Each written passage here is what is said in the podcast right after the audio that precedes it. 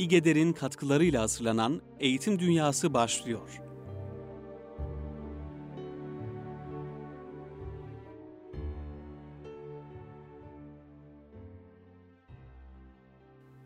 Dinleyin ey vakti duymak doruğuna varanlar. Falları grafiklerde bakılanlar, siz de işitin. Külden martı doğuran odalıklar ve kahyalar, kara pıhtıyla damgalanmış veznelerde dili, şehvetsiz çilingirler, yaltak çerçiler, celepler ki sıvışık, natırlar ki nadan, ey hayat rengini sazendelik sanan yırtlaz kalabalık. Dinleyin bendeki kırgın ikindiyi, hepiniz kulak verin. Güneşin koskoca beldeye suskunluk yaygısını serdiği yazlar yok. Yok artık altında suskun yolları saklı tutan, karla örtülmüş kırların kışı. Gitti giden yerine gelmedi başka biri. Orada duyum satmadı kendini hiçlik bile. Belli ki son yüzyılımız göğsümüzden varla yok harman eden sesi uçursak diye bize verildi. Yetti bir yüzyıl böceklerle ve otlarda soluyuş izlerimizi silmek için. Ne yesek lokmaya vurulur gibi değil. Yuduma gelmiyor içtiklerimiz.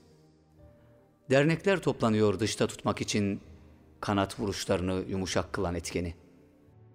Utançlı sessizliği tanımaz kalemlerle kapanıyor bilanço.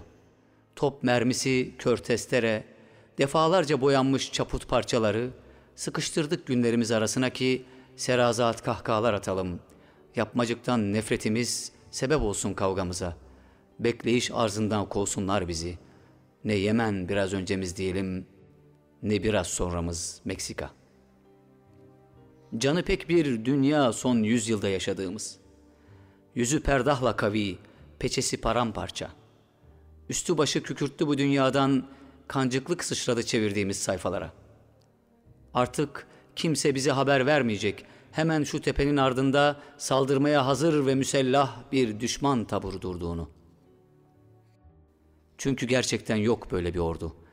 Bir düşmanımız kaldı kendi dudaklarımız arasında. Biliyoruz günden güne çopurlaşan yer yuvarlağında bizleri yan çizen birer hemşehri haline sokan nedir? Çırpını çırpını giden atlardan indik. Girmek için patavatsız yurttaşlar sırasına.'' Zihnimiz acizlerin şikayeti sığacak kadar kanırtılırken ses etmedik. Öcümüz alınacak, öcüsüyle irkitildik. Kaldıysa bir soru içimizde, o da bir şey, nerededir yerle gök arasındaki ulak, nerede biz? Kimseden bir işaret gelmeyecek.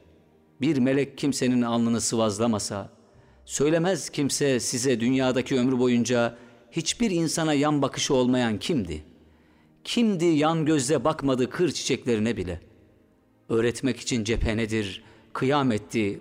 Torunu kucağında, dönünce bütün gövdesiyle döndü. Bir bu anlaşılsaydı son yüzyılda, bir bilinebilseydi nedir veçe? Dinleyin ey vakti duymak doruğuna varanlar. Sıyırın kahkaha sırçasını cildinizden, omzunuzdan vaveyla heybesini atın.'' Boşa çıksın reislerin, kahinlerin, şairlerin kuvveti. Güler yüzlü olmak neydi onu hatırlayın. Neydi söğüt gölgesinde gülümsemek? Ağız dolusu gülmeden taşlıkta. Merhabalar kıymetli Erkam Radyo dinleyenleri. Eğitim Dünyası programına bir naatle başladık bugün. İsmet Özel'in bir Yusuf masalından Naat isimli şiiriyle.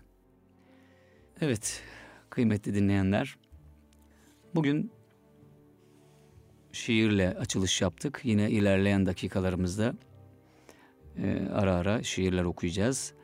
E, devamında da mektuplar üzerine konuşacağız. Mektuplardan bazı örneklerimiz olacak. E, ve Nuri Pakdil'in mektupları özellikle çok konuşulur. Mektupları, içeriği, e, yazdığı insanları e, harekete geçirmesi anlamında mektupları çok değerlidir, kıymetlidir. Onun da ifadesiyle her yere serptiğim tohumlar diyor mektuplara, kendi mektuplarına. Onun üzerine Hüseyin Sun'un yazmış olduğu güzel bir yazı var. Onu sizlerle paylaşacağım ve onun dışında da Fethi Gemuhluoğlu'nun oğlu Ali'ye yazmış olduğu güzel bir mektubu var. Onu paylaşacağım bugünkü programda. Ama öncesinde e, bugün İGEDER'in İstanbul Gönüllü Eğitimciler Derneği'nin yapmış olduğu bazı faaliyetlerden bahsetmek isterim. Hali hazırda devam eden, başvuruları devam eden programlar var. Öğretmenlere dönük, eğitimcilerimize dönük programlar bunlar. İngiltere'de dil eğitimi, öğretmenlere İngiltere'de dil eğitimi imkanı sunuyor İGEDER.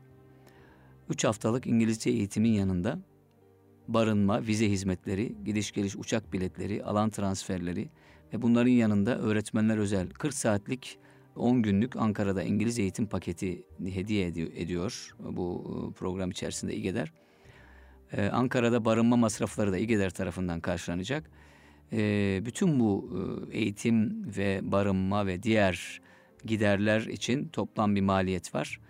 Ee, onu da İGEDER'in İGEDER.org sayfasından takip edebilirsiniz. Başvuruları da oradan yapabilirsiniz. 25 30 e, Haziran ile 9 Temmuz arasında Ankara'da, 4 Ağustos ile 24 Ağustos arasında da Londra'da dil eğitimi imkanı veriyor eğitimcilere İGEDER.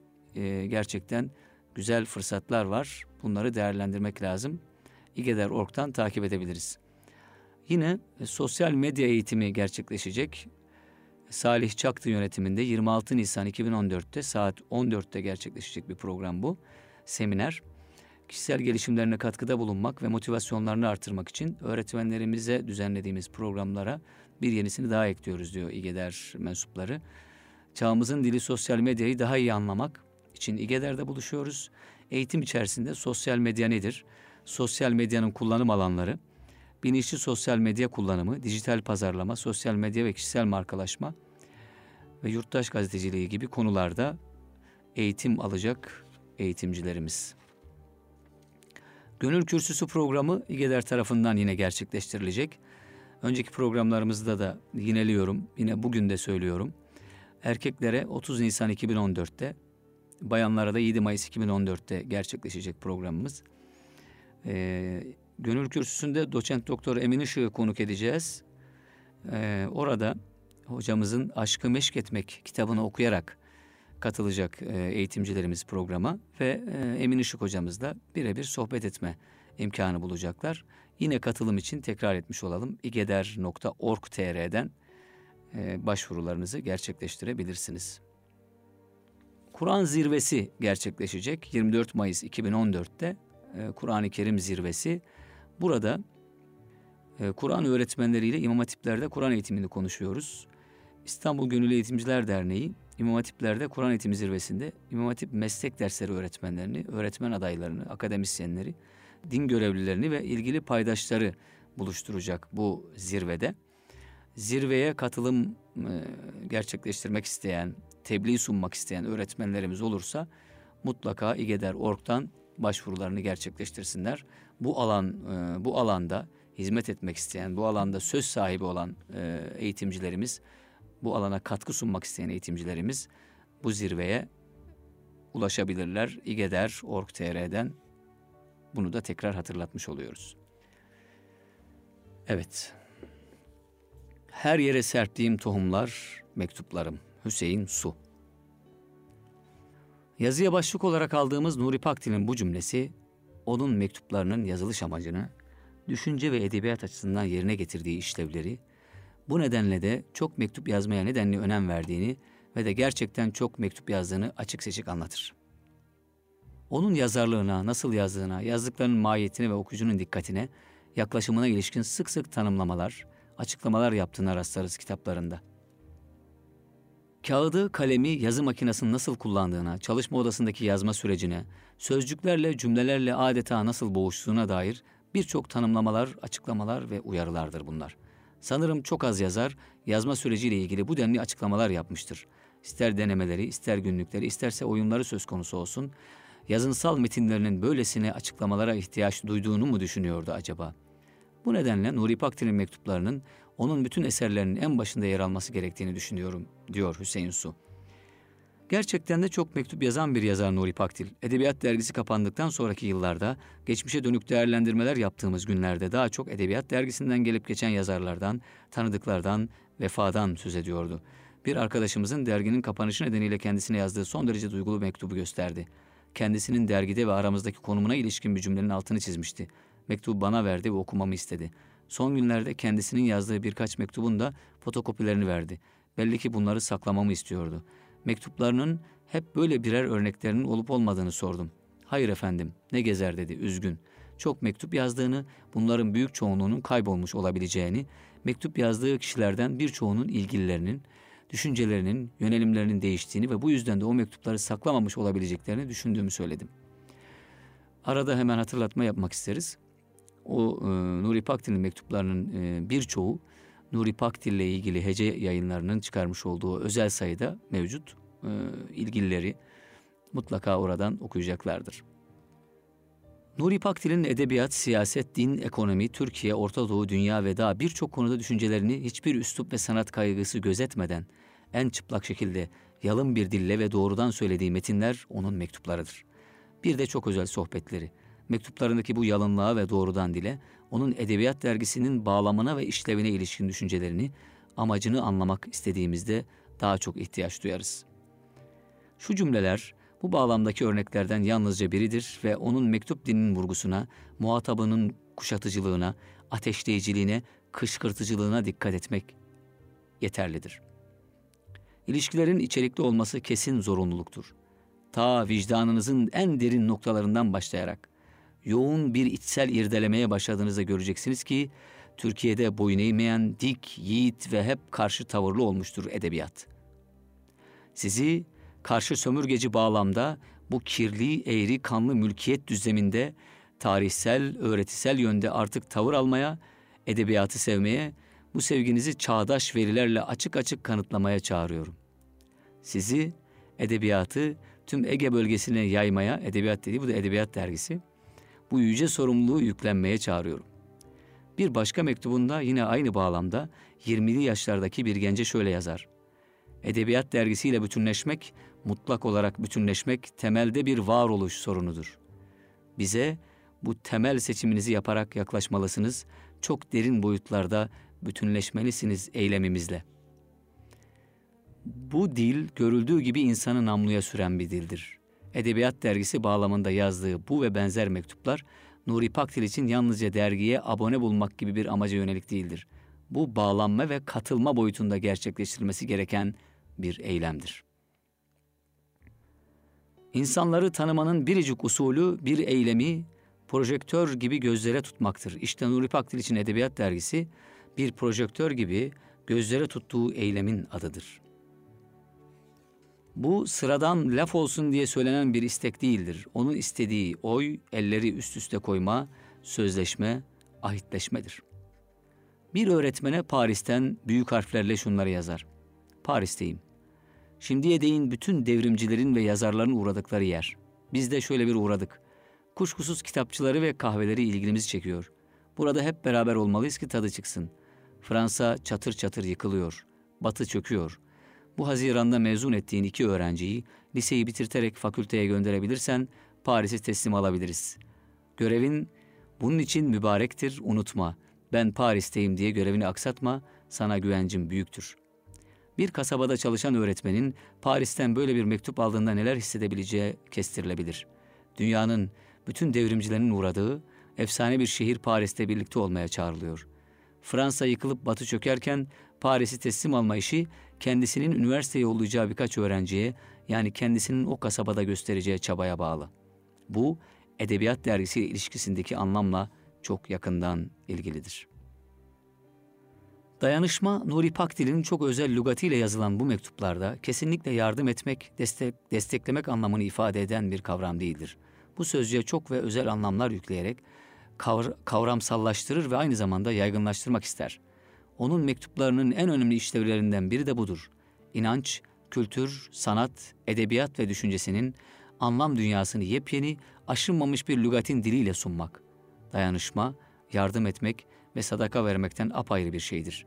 Yardım etmek ve sadaka vermek yalnızca verip geçmektir. Oysa dayanışma ona göre süreklilik gerektirir, bir sorumluluğu sonuna dek paylaşarak taşımaktır. Ayrıntı gibi görünen bu durumun altını hemen bir mektubunda çizer. Hatta bunu özel sohbetlerinde Hz. Ebu Bekir ile Hz. Osman'ın durumu ile örnekleyerek açıklar. Ebu Bekir'in verdiği daha azdır ama varlığının tamamını vermiştir. Osman ise Ebu Bekir'den daha çok verdiği halde varlığından bir miktar vermiştir. Aradaki fark Hz. Ebu Bekir'in verdiğinin infak oluşudur. Topyekün katılma, işte Nuri Pakti'nin dayanışma ile amaçladığı ve Edebiyat Dergisi bağlamında bir ahlak olarak gerçekleştirmeye çalıştığı budur. Nuri Pakti'nin mektupları, denemelerinin, oyunlarının ve bütün yazdıklarının görüngüsüne sahiptir. Evrensel ölçekli düşünceler ve önerilerle gider muhataplarına. Bir sözcükten hareketle mektubun açısını yeryüzünü kapsayabilecek hale getirir ki mektubu alan coşku seline kapılıp yürüyebilsin. Zarfını, zarfınızı açmadan mektubun üzerindeki damgaya baktım. Anadolu kavağı. Bilmiyorum nedendir. Çok duygulandırır beni o kavaklar. Rumelisi de öyle, Anadolu'su da. Oradan hemen Karadeniz'e açılacağım da o kuzeylerden başlayarak tüm Asya'yı Avrupa'yı fethedeceğim sanırım. Yeryüzüne şimdiye değin ne kadar fatihler gelmişse aslında işin başında durmadan, yılmadan düş görmüşlerdir. Sonra da bu düşlerini bir güzel dünyamıza indirmişlerdir. Bu mektuplarda insanların düşüncelerinin, bakışlarının güncel sorunların ve yerelliğin sığlığında boğulup kalmasını önlemek ister. En küçük ayrıntının bile dinin evrensel ölçekli kardeşliği ve sorumluluğu bağlamında algılanmasını sağlamaya çalışır. Küçük düşünmenin edebiyat dergisi manifestosu ile hiçbir ilgisi olamaz. Küçük düşünmek ve günü kurtarma kaygısı köylülüktür. Ama bir yandan da gördüğü gerçeklikten kaçmaz. Üzüntüsünü açıkça yazar. Edebiyat dergisi şimdi değin her tür engeli aştı ama köylülüğe takılıp kaldı. Çünkü bizim bu çok yoğun entelektüel şehirli ufkumuzu köylülükle algılamak mümkün değildir. Dinimiz şehirli dinidir. Bayramlaşmayı, dünya ve Orta Doğu haritalarını salonun ortasına sererek bütün insanlarla el sıkışarak yaptığını yazar. Amerika'daki birisine gel seni bir kucaklayayım der, hemen orada kucaklaşacakmışçasına. Yaşama dikkati de Nuri Pakdil'in mektuplarında bütün arkadaşlarına ve dostlarına sık sık yazdığı ilkelerden biridir. Vurgusu hayatın bize verilmiş bir emanet olduğu bilincinin yitirilmemesinedir. Yiyeceklerde, içeceklerde, yağlarda, tatlılarda, giyeceklerde, soğuk ve sıcak havalarda nelere dikkat edileceğine dair bütün ayrıntıların sürekli altını çizer. Dişleri fırçalarken fırçanın nasıl kullanılacağından, evde kahvede hava akımında kalmayacak şekilde oturmaya kadar adeta bütünüyle hayatınızı düzenler. Çünkü annenizden ve babanızdan çok sizin sorumluluğunuzu taşıdığını düşünür. Her şey bir bütünlük içinde algılanmalıdır. Her şey birbirine bağlı, iç içedir hemen hemen. Öykü yazmak, okumak, testere ağzı diş fırçası kullanmak, Arapça çalışmak, düşünmek, ağlamamak, beslenme bilincini hiçbir vakit dışlamamak, dimdik, vakur, içli, içe işleyen bakışlar fırlatmak insanlara, aşkla, mütemadiyen zikir, avucumuzun içinde dünya haritasını taşıyormuşçasına ürpermeyi sınamak, sonar da ürpermeden yeni titreşimler var etmek, sınamak nefsimizi mağaraya. Edebiyat dergisi özelinde yazar arkadaşlara ve genelde de bütün dost ve tanıdıklarına yazma ve okuma konusunda kendi kişisel deneyim, kazanım ve dikkatlerini taşır mektuplarıyla. Hiçbir şey yazamayışınız beni müthiş tedirgin ediyor. Muaz da öyle. İyice tembelleştiniz. Umarım bana sürprizler hazırlıyorsunuzdur. Çalışmalarınızı havada kapmak istiyorum. Bunu arkadaşlarına, yazarlara, şairlere diyor mektuplarında. Tarık gibi köprülerinizi yıkarak kente kesin dönüş yapmalısınız. Sanatçı kimliğinizi bir an olsun ikincil düzleme koymayınız. Kendisinin okuduğu kitaplarda altlarını çizdiği cümleleri, sayfa boşluklarına düştüğü notları defalarca arkadaşlarına okur yorumlayarak okunmaya değer gördüğü kitaplardan anında haberdar eder. Yabancı dil çalışmak da onun mektuplarında yinelemekten bıkmadığı hususlardan birisi belki en önemlisidir. Arapça bu dillerin başında gelir. Sonra da Batı dilleri. Edebiyat dergisi eylemi içinde yabancı dil öğrenmenin anlamını kavramak için adeta dökmediği dil, denemediği yöntem kalmaz.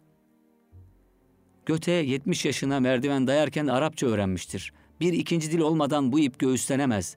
Tekerlek farkıyla da olsa bu yarışı kazanmak istiyoruz. Tüm bu gevezelikleri bir yana koyalım ama Ulu Önder'in buyruğu vardır. 7. yüzyıldan beri ufkumuzu aydınlatmaktadır. İlim Çin'de olsa bile öğreniniz.'' Nuri Pakti'nin mektuplarının en önemli özelliklerinden birisi de klasik mektup biçimlerinden farklı oluşlarıdır. Yazı makinesiyle yazılmamış olanlar çok düzgün ve okunaklı bir el yazısıyla adeta matbuymuş gibi yazılmıştır. Bazen bir cümlenin başını alıp gittiğini ve mektup kağıdının çevresini dolaşıp geldiğini görürsünüz. Bir selam ve büyükçe bir ünlemden ibaret mektupları da vardır. Mektupların altındaki imzası ise başlı başına bir mektup, bir resim, bir gösteri olayıdır. Edebiyat sözcüğünün sonundaki T harfinin çoğu mektuplarda bir balyoz biçiminde yazılıp çizildiğini görürüz. Bu balyozun edebiyat dergisinin düşünsel eyleminin gücünün simgesi olduğu açıktır. Bu balyoz bir gün bir yerlere inecektir. Cümleler kimi zaman çıkan, kimi zaman inen basamaklar halinde dizilmiştir. Zincirden söz ediyorsa bir zincir, ipten söz ediyorsa bir ip, kurbandan söz ediyorsa bir kurbanlık koç, daireden söz ediyorsa insanı tutuklayan bir daire çizer oraya ve ardından mektubu yazmaya devam eder. Nuri Pakdil'in mektupları onun yazmaya başladığı ve Edebiyat Dergisi'nde yayınlandığı yıllardan itibaren Türk Edebiyatı'nın son 50 yılında hem bir yazarın, sanatçının edebi ve düşünsel dünyası hem de Edebiyat Dergisi çevresinde gelişen, oluşan bir sanat ve edebiyat anlayışının tutanağı olması açısından son derece önemli bir hazinedir. Öğretici ve yol açıcı bir hazinedir. Mektuplarını okuduğunuzda hepsinin kendinize yazıldığını hissedeceksiniz ve gerçekten içiniz donanacak, gerçekten kalbiniz çarpacak. Nuri Pakdin mektuplarıyla yeniden bir dirilişe, yeniden bir kıyama kalkacaksınız. Ben ağzından şelale dökülen bir padişahtım. Kendi elimle fermanını yazdığım bestekarın mihriban nameleriyle yaşardım. Duran ve kımıldanan her şeye soluğum yeterken ne oldu da içimdeki geceye hükmedemedim. Sisli bir kement gözüne efendim dedim. O gitti. Kemendi yeni bir nameye çevirdi. Üstelik her gece geldi ruhu önümde eğildi. Söyleyin bana benim kehribar saçlarım düşeğimde çarşaflara bürünmüş bir göç gibi yatarken ötelerden yükselen bu dilsuz sesler kimin? Ben ağzından şelale dökülen bir padişahtım. Geçerken önlerinden kahkaha arabasıyla alkışlardı beni her cuma o güzel halkım. Ömer Erdem'in güzel şiirlerinden biri. Dergah Edebiyat Sanat Kültür Dergisi Dergah Şiirleri Gül Destesi'nden paylaşıyorum sizlere bu şiirleri. İbrahim Tenekeci hazırlamış e, bu gül desteği kıymeti dinleyenler. Ömer Erdem'den okudum. Bugün bir de Kemal Sayar'dan okuyalım. Ayrılıklar için iyi bir anne. Ben bir ceninken babam askerde lavanta çiçeği koklarken yine arıyordum ayrılıklar için iyi bir anne. Leyli meccaniyken ben gizliden, gizliden gizliye şiir okurken birden öksürdüğü olurdu babamın rüyaların tuhaf yüksekliği içinden. Şimdi ne iyi olurdu derdim ben ayrılıklar için iyi bir anne.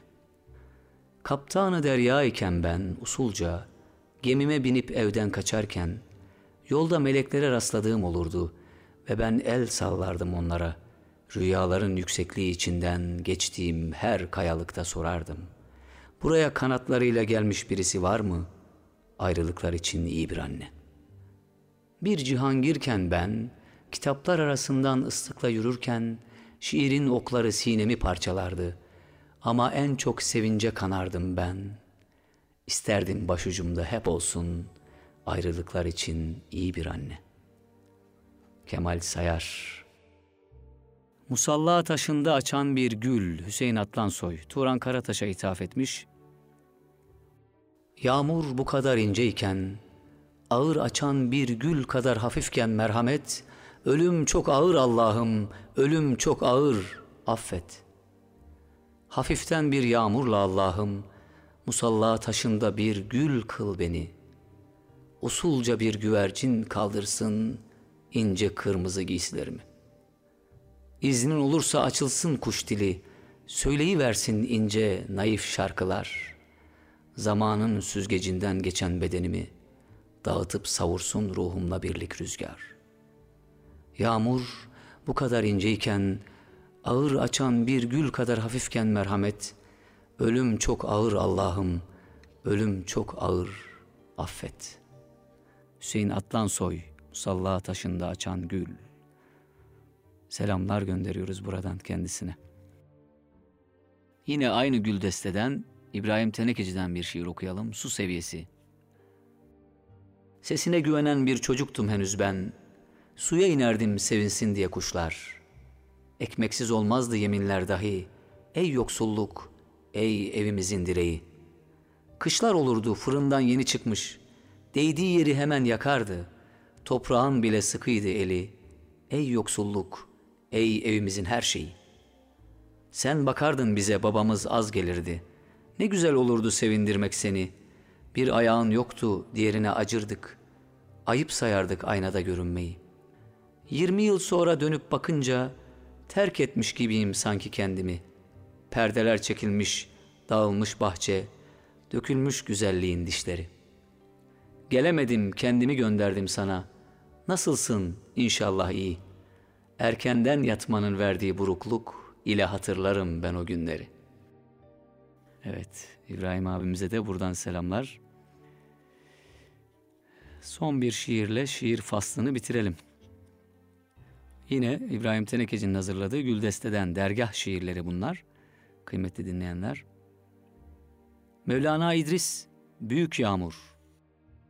Bu büyük yağmur altında iki kere iki dört etmez. Biraz yürüsen devlet biter bu büyük yağmur altında. Bu büyük yağmur altında ne dedin, aşk mı dedin? Ben burada kalırım bu büyük yağmur altında. Bu büyük yağmur altında bütün yalanlar küçük. Yalnızca gözlerin var bu büyük yağmur altında. Bu büyük yağmur altında ıslanmış bir yürekle. Ancak sen beklenirsin bu büyük yağmur altında. Bu büyük yağmur altında bir ruh değdi ruhuma. Kal ve düzenle kalbimi bu büyük yağmur altında. Evet efendim. Şimdi güzel şiirler ve selam. Okuduk. Okumadan önceki bizle okuduktan sonraki biz aynı değiliz. Sanat eserlerinin nüvesinde bu vardır. Rasim Özenören öyle söyler. Yazan nasıl ki yazmadan önceki kişi değilse aynı şekilde okuyan da dinleyen de okuyup e, dinleme öncesindeki kişi değiller. Biz de öyle değiliz. Değiştik, dönüştük diyelim. Bir güzele, bir iyiliğe dönüştük. İçimizde bir iyilik duygusu bıraktı bu eserler. Var olsunlar, devam etsinler inşallah şairler bu güzel şiirlerine. Fethi Gemuhluoğlu'ndan Ali Gemuhluoğlu'na 10 Eylül 1977 Belde-i Tayyibe mektubun başında bu yazıyor. Aziz oğlum, sen benim umudum, mutluluğum, şifa ve dermanım, yaşama gücüm, yaşama sevincim ve kavgamın devamısın. Babalar ve oğullar, dikkat. Herkesin alacağı bir pay var. Bir bayram koşusu içindeyiz, diyor Fethi Gemuhluoğlu, oğlu Ali Gemuhluoğlu'na. İmanımı, inancımı, fikirlerimi sen ve o can kardeşin Selman, ebediyete dek devam ettireceksiniz. Mektupların içimi donattı. Işıdım, aydınlık kesildim. Sen benim fikir arkadaşım ve asıl daha mühimi yolda yoldaşım, tarikat kardeşimsin. Oğluna diyor. Hem torunlarım ve yine yolda yoldaşlarım olmalarını niyaz ettiğim Alişan ve Alican'ın babasısın. Sen özlemini çektiğim Türkiye'ye Anadolu'nun masum, zulme ve kahra uğramış insanına hizmet edeceksin. Bu hizmetten bir ibadet ahlakı çıkaracaksın. Bugünkü Leyle-i Kadir, alemi İslam'a mübarek olsun. Yalnız insanların değil, kurdun, kuşun, dikenin, otun da hakkını görüp gözetesin. Oradaki ağabeylerine şükran duygularımı benim adıma ifade et. Hepsinin Ramazan bayramlarının kutlu ve mutlu olmasını dilerim. Onların bayramları doktoralarını verdikleri gün tecelli edecektir. Şimdi Arefe'yi yaşıyorlar. Bu naçiz kanaatimi onlara söylemeni rica ediyorum. Ayrıca belirteyim ki müminin her nefesi bayramdır. Bayramım imdi, bayramım imdi, bayram ederler yar ile şimdi buyuruyor Hacı Bayram Sultan. Bayram tevhidi kutlamaktır, tevhide şükürdür, tevhidi hamd ve senadır.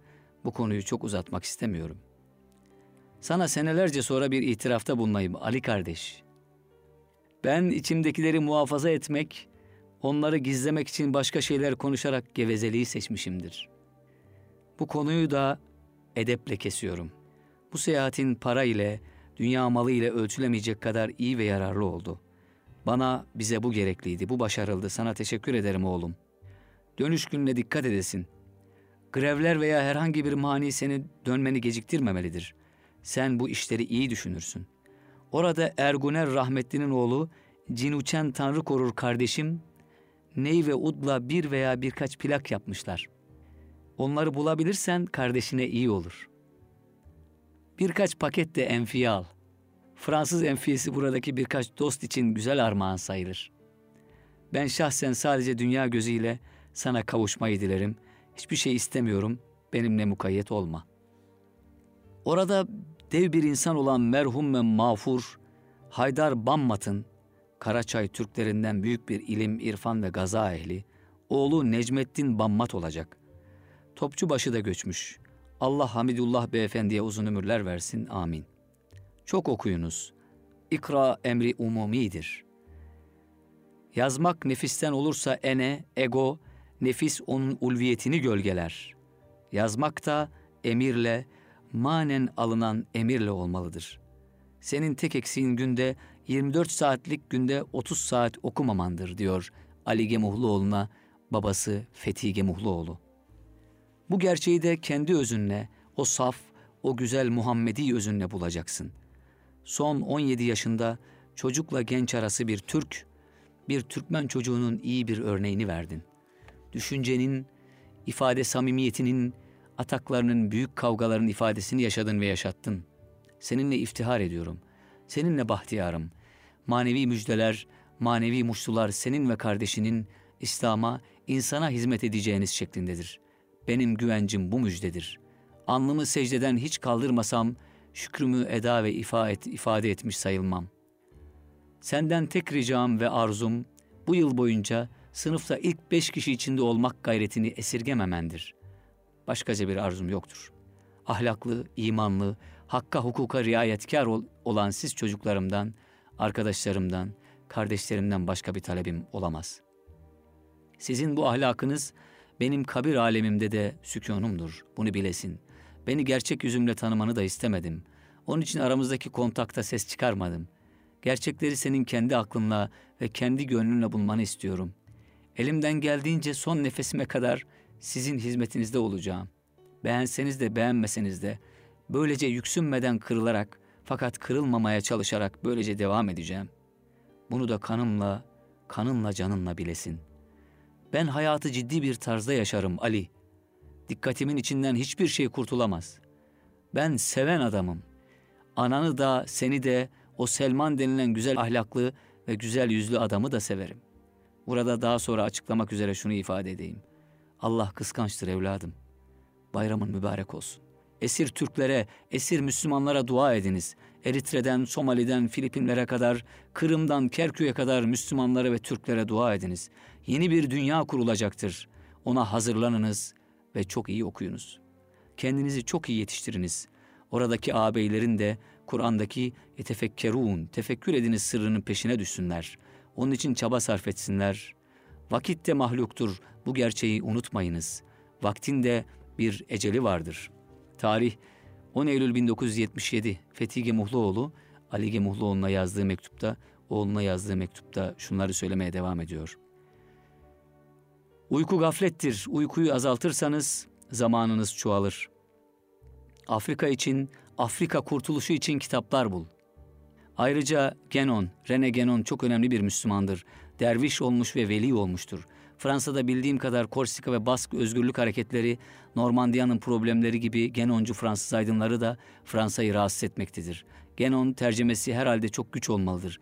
Tasavvufu iyi bilmek gerek, İslam'ı iyi bilmek gerek, tarikatleri bilhassa Şaziliye'yi iyi bilmek gerek.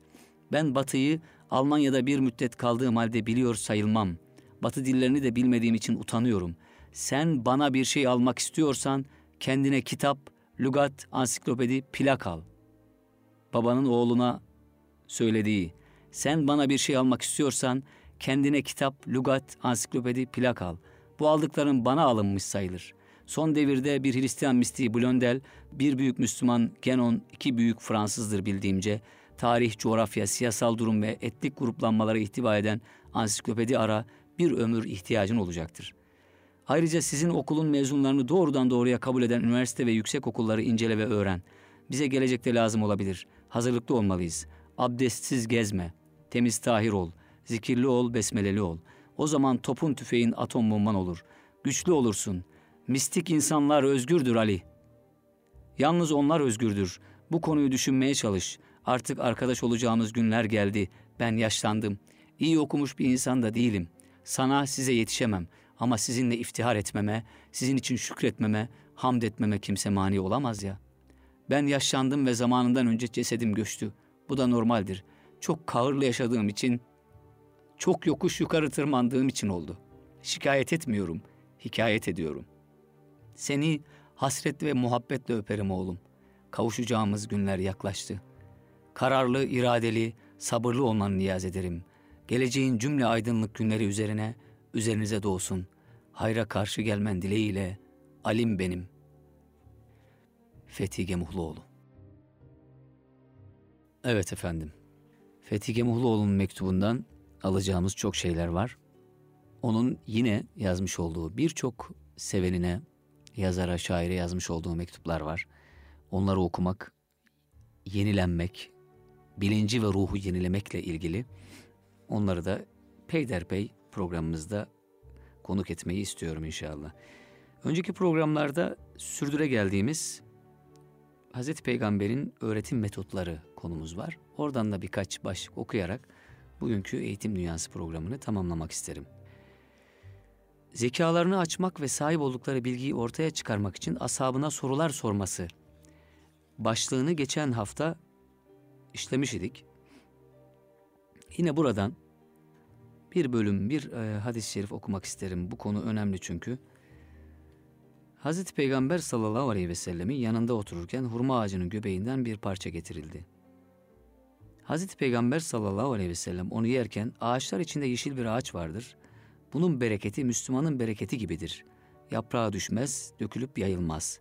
Rabbinin izniyle her mevsim meyve verir, Müslüman gibidir. Şimdi bana söyleyin, bu ağaç nedir? Abdullah diyor ki, insanların akılları kırlardaki ağaçlara takıldı. Bazıları şu ağaçtır, filan ağaçtır dedi. Benim içimden hurma olduğu geçti. Bunu söyleyecek oldum ancak baktım ki karşımdakiler toplumun büyükleri. Genç bir çocuk olduğum için konuşmaktan çekindim. Sonra etrafa baktım ki ben bulunanların onuncusu ve en genciyim. Baktım Ebu Bekir ile Ömer de konuşmuyor, ben de sustum. Onlar da konuşmayınca oradakiler hangi ağaçtır ya Resulallah bize söyleyiniz diye sordular. Hazreti Peygamber aleyhissalatü vesselam da hurma ağacıdır buyurdu. Yaprağı düşmez, dökülüp yayılmaz, Rabbinin izniyle her mevsim meyve verir, Müslüman gibidir. Kalkınca babam Ömer'e babacığım, benim içime onun hurma olduğu doğmuştu vallahi dedim. Babam, onu demenden seni ne alıkoydu ki diye sordu. Ben de sizin konuştuğunuzu görmedim. Ne senin ne de Ebu Bekir'in konuştuğunu gördüm. Genç bir çocuk olduğum için de konuşmaya utandım. Konuşmaktan bir şey demekten çekindim bu yüzden sustum dedim. Babam bana dedi ki o hurma ağacıdır deseydin benim için filan şeyden daha makbul olurdu diyor sahabe-i kiramdan Abdullah. Evet. Mukayese ve temsil yoluyla öğretmesi de peygamberimizin öğretim metotlarından biri. Burada ashabından bazıları Ebu Zer Gıfari radıyallahu anh diyor ki ashabından bazıları Hazreti Peygamber sallallahu aleyhi ve selleme ya Resulallah servet sahipleri sevapları alıp gittiler. Bizim gibi namaz kılıyorlar, bizim gibi oruç tutuyorlar hem de mallarının fazlasını tasadduk ediyorlar dediler. Resulullah aleyhissalatü vesselam buyurdu. Allah sizlere tasadduk edeceğiniz bir şey vermedi mi? Her tesbihe, her tekbire, her tahmide, her tehlile, keza marufu emretmeye sadaka, münkerden nehyetmeye sadaka sevabı vardır buyurdular. Teşbih ve benzetmelerde bulunarak da Peygamber Efendimiz öğretmiştir, eğitmiştir sahabeyi. Anlatmak istediği meselelerin anlaşılması için insanların gözleriyle gördükleri, dilleriyle tattıkları, hissettikleri ve elleriyle tuttukları şeyleri misal olarak getirirdi. Çünkü bu yolla öğrencinin anlaması kolay hale gelir. Öğreten insan öğrettiği veya sakındırdığı şeyi daha hızlı ve tam olarak izah eder.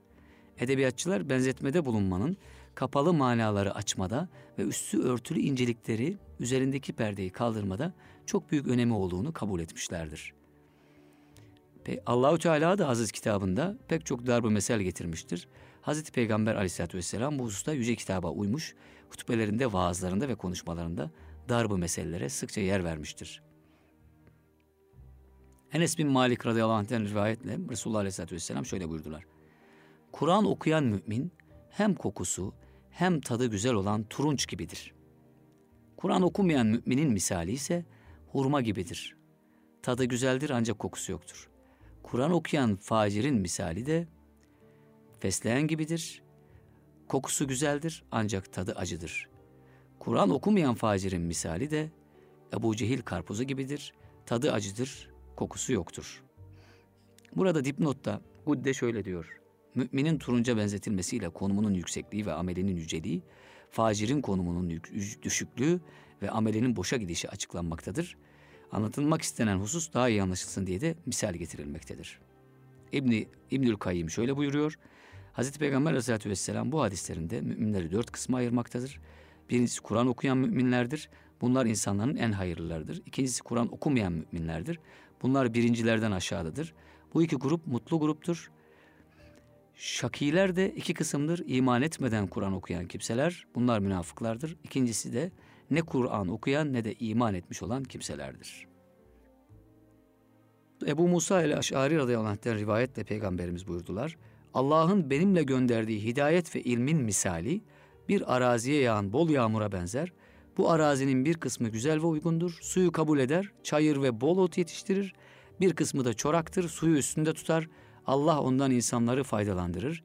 Onlar da bundan içerler, hayvanlarını sularlar ve ekin ekerler. Yağmurun yağdığı diğer bir kısımda düz ve kaypaktır. Ne suyu üstünde tutar ne de çayır bitirir. İşte Allah'ın dinini anlayan, Allah'ın benimle gönderdiği kendisine faydalı olan ve bunu öğrenip öğreten kimse ile dini duyduğunda kibrinden başını kaldırmayan ve benim kendisiyle gönderildiğim Allah'ın hidayetini kabul etmeyen kimse böyledir. Evet benzetmelere sıklıkla başvuruyor Peygamberimiz Aleyhisselatü Vesselam. Ee, eğitimciler de bu teşbihlerle, benzetmelerle anlatacakları şeyleri, meseleleri çok güzel bir şekilde muhataplarına iletebilirler, ifade edebilirler. Bizde, bizim için Hazreti Peygamber'de, muallimlerin mualliminde nice dersler almamız gereken nice ibretler var. İleriki programlarda yine bunlara yer vereceğiz. Bugünlük bu kadar diyelim. İnşallah haftaya eğitim dünyasında yine sizlerle birlikte olmayı umuyoruz. Hepinizi Allah'a emanet ediyoruz. Hoşçakalınız.